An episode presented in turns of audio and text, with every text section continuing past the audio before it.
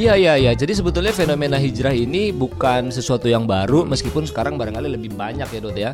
Kalau kita sih positif-positif Iya, aja gitu iya, ngelihatnya iya. ya. Itu pilihan Itu masing-masing pilihan ya. masing-masing. Yang penting ada yang saya katakan tadi jangan sampai itu menjadi destruktif buat masyarakat lingkungannya gitu kan.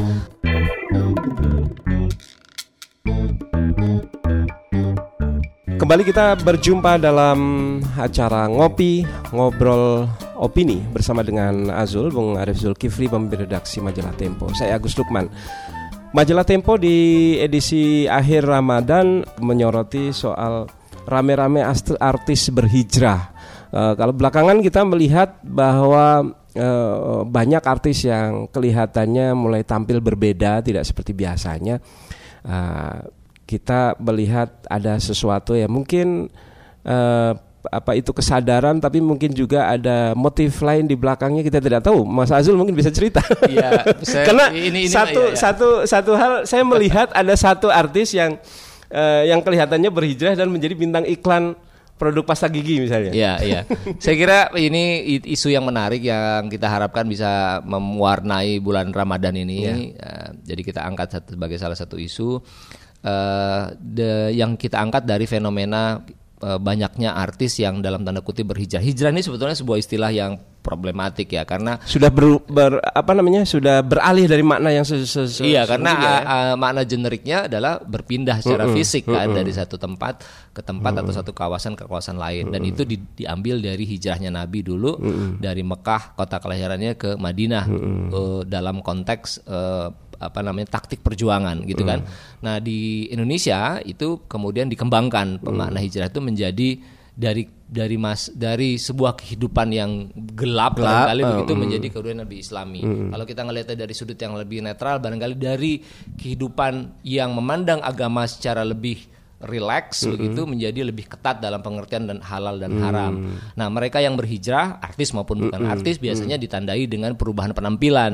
Yang perempuan akan berhijab, bahkan bercadar, yang laki-laki akan eh, apa namanya berjanggut dan mem- memendekkan termasuk di dalamnya adalah sikap-sikap misalnya menolak vaksin dan sebagainya barangkali. Betul itu i- nah makanya dalam tulisan kita kita juga coba, coba elaborasi. Nah, saya menemukan beberapa li- literatur yang dan dari hasil liputan teman-teman itu eh, kenyataan bahwa hijrah itu kan tidak bisa dipisahkan dengan eh, maraknya konservatisme agama. Jadi orang tuh going konservatif dalam pengertian bahwa mereka lebih rigid dalam hal halal haram begitu dan concern sekali pada apa- hal itu halal haram ta- tadi gitu. Jadi jadi memang jadi lebih ketat nah, hidupnya. Nah, ini memang jadi jadi bisa dipandang dari dua perspektif. Itu bisa positif juga Mas Agus. Oke, positif dalam iya, iya. pengertian ya orang jadi lebih soleh.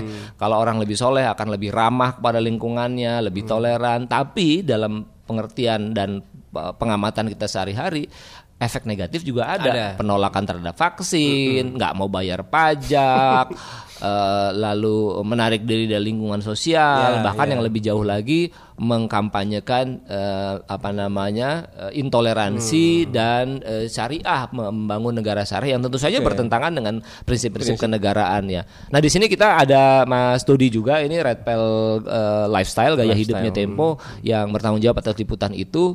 Mungkin Mas Dodi bisa cerita tuh tentang gimana temuan-temuan di lapangannya. Kita mengambil uh, beberapa contoh ya artis yang melakukan hijrah yang menurut mereka mereka ang- anggap sebagai berhijrah. Salah satu contoh kita ada uh, mantan vokalis uh, band Jeruji namanya Doni Aldoni Aldoni Supriyadi. Uh, dia sudah meninggalkan sama sekali itu musik. Karena menurut dia menurut paham um, pemahaman dia berdasarkan apa hadis Nabi bahwa Musik itu haram. itu haram, termasuk juga minuman eh, sama dengan zina dan minuman keras dan memakai pakaian sutra bagi laki-laki. Jadi ka- nah, dia meninggalkan sama sekali. Eh, ada juga eh, Sakti, eh, Sakti mantan oke. eh, mantan apa gitaris Personel. dari Sheila on Seven. Sheila on Seven. Nah, dia juga eh, yang berhijrah, yang sudah Sudah cukup lama tidak ya? sudah cukup lama, lebih dahulu dari Doni dan uh, dia tapi uh, sakti yang namanya sekarang menjadi Salman, Uh-uh. Salman Al Jawa Jogjawi. Al Jogjawi. Dia tidak sama sekali apa, tidak benar-benar meninggalkan musik karena dia juga sudah menerbitkan merilis dua album religi. Hmm. Dia berbeda pandangan dengan si Doni yang Laris juga ini album religinya ini. eh, lumayan Oh, laris lumayan ya. juga. Iya.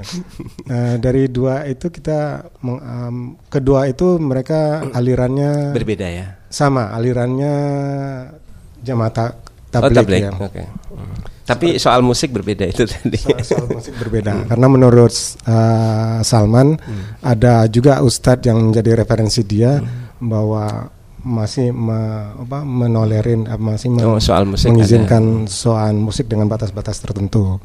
Nah, Ada juga Wisnu misalnya. Nah ini ada Wisnu juga yang Tengku Wisnu ya, yang juga sudah meninggalkan apa? Dunia sinetron. artisannya. Artisannya. Eh, sekarang dia lebih banyak di eh, Iklan. bisnis ya, Hmm. bisnis dan jadi model iklan. Hmm.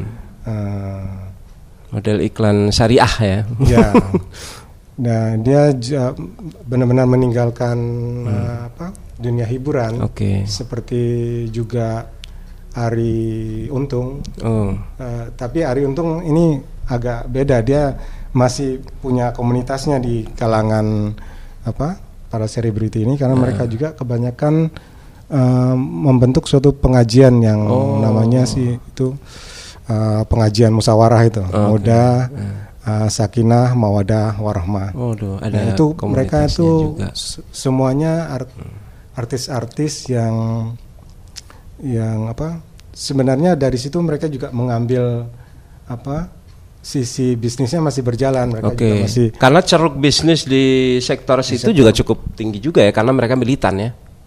ah, iya terakhir ini kan untung eh, sukses juga menyelenggarakan apa hijab fest yang kemarin ditutup eh, 26 Mei kemarin Hmm. tahun lalu dimulai dengan Oke. acara yang jadi dia menghimpun apa uh, bisnis-bisnis di yang syar'i lah gitu ya dan sambil juga memperdalam ilmu agama. Oke. Nah kelompoknya si Hari Untung ini be- berbeda dengan Doni yang Mm-mm. yang apa yang jelas itu ya Menolak segala macam hiburan ya, Iya. meninggalkan yang gelap. Mm-mm. Dan kalau Ari Untung ini kan masih masih eksis di dunia hiburan ya, masih sebagai pembawa acara atau apa?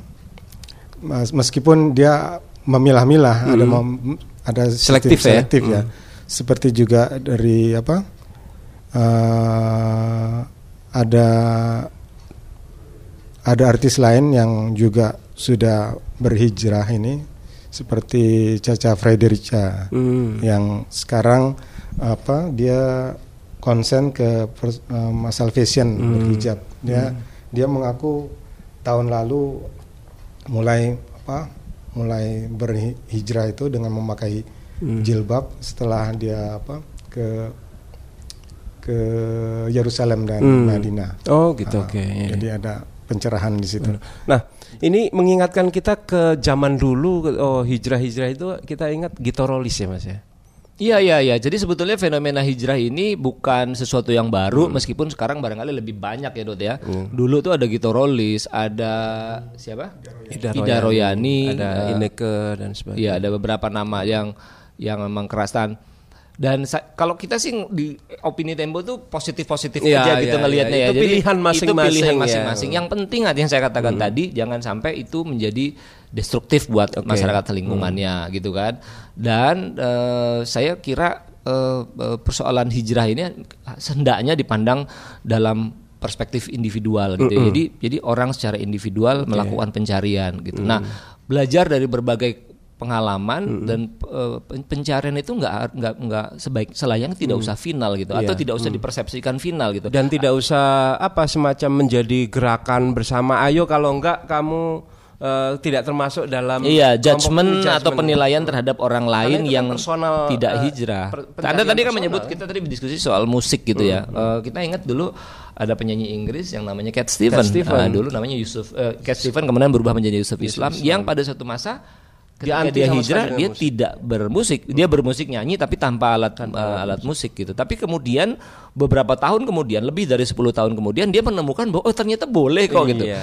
jadi sesuatu yang buat orang kayak si siapa Sakti begitu sudah dikatakan boleh-boleh aja kok musik buat orang kayak Cat Stevens dibutuhkan lebih dari 10 tahun untuk menemukan fakta baru bahwa ternyata itu boleh gitu loh. Nah ini ini kita serahkan saja sebagai sebuah uh, Persa- perjalanan pencarian, uh, pencarian individu. Nah, karena di dalam Islam sendiri sebetulnya sudah ada sejarah yang mengajarkan soal pencarian itu, yaitu Ibrahim sebagai Iya. bapak uh, monoteisme. Iya. Ya, Pencarian yang pencarian yang luar memakan waktu lu- memakan waktu dan ekstrim menurut saya sampai dia mengatakan bahwa oh, jangan-jangan uh, matahari itu Tuhan atau bintang itu Tuhan. Iya. Ketika matahari dia lihat begitu malam oh mataharinya hilang berarti dia bukan Tuhan.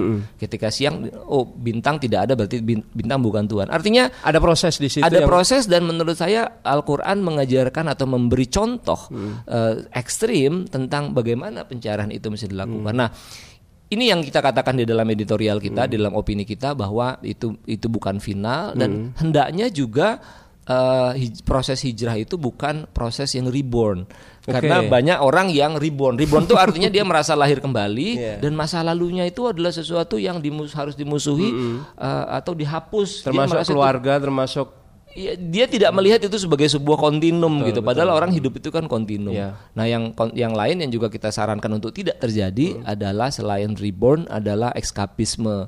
Jadi lari, Iya. lari dari suatu kondisi yang mungkin penuh dengan dosa, lalu kemudian dia apa namanya hijrah, lalu membalas Menyendiri. membalas dosa itu dengan kesalehan-kesalehan instan begitu. Nah, ini nah kedangkalan semacam ini yang selayaknya kita hindari dan agama hendaknya juga tidak dipandang hanya sebagai persoalan halal dan haram semata. Lalu eh, motif untuk men- justru menjadi apa ya namanya menjadi ceruk bisnis baru. Eh, ini peluang untuk menggait eh, pe- konsumen baru. Ini peluang untuk mencari masa baru atau fans baru dan sebagainya. Ya saya kira itu juga wajar-wajar saja. Sekarang kan eh, kita lihat produk halal ada di mana-mana. Kulkas saja ada halalnya loh Ya. sekarang. Kulkas halal gitu kan.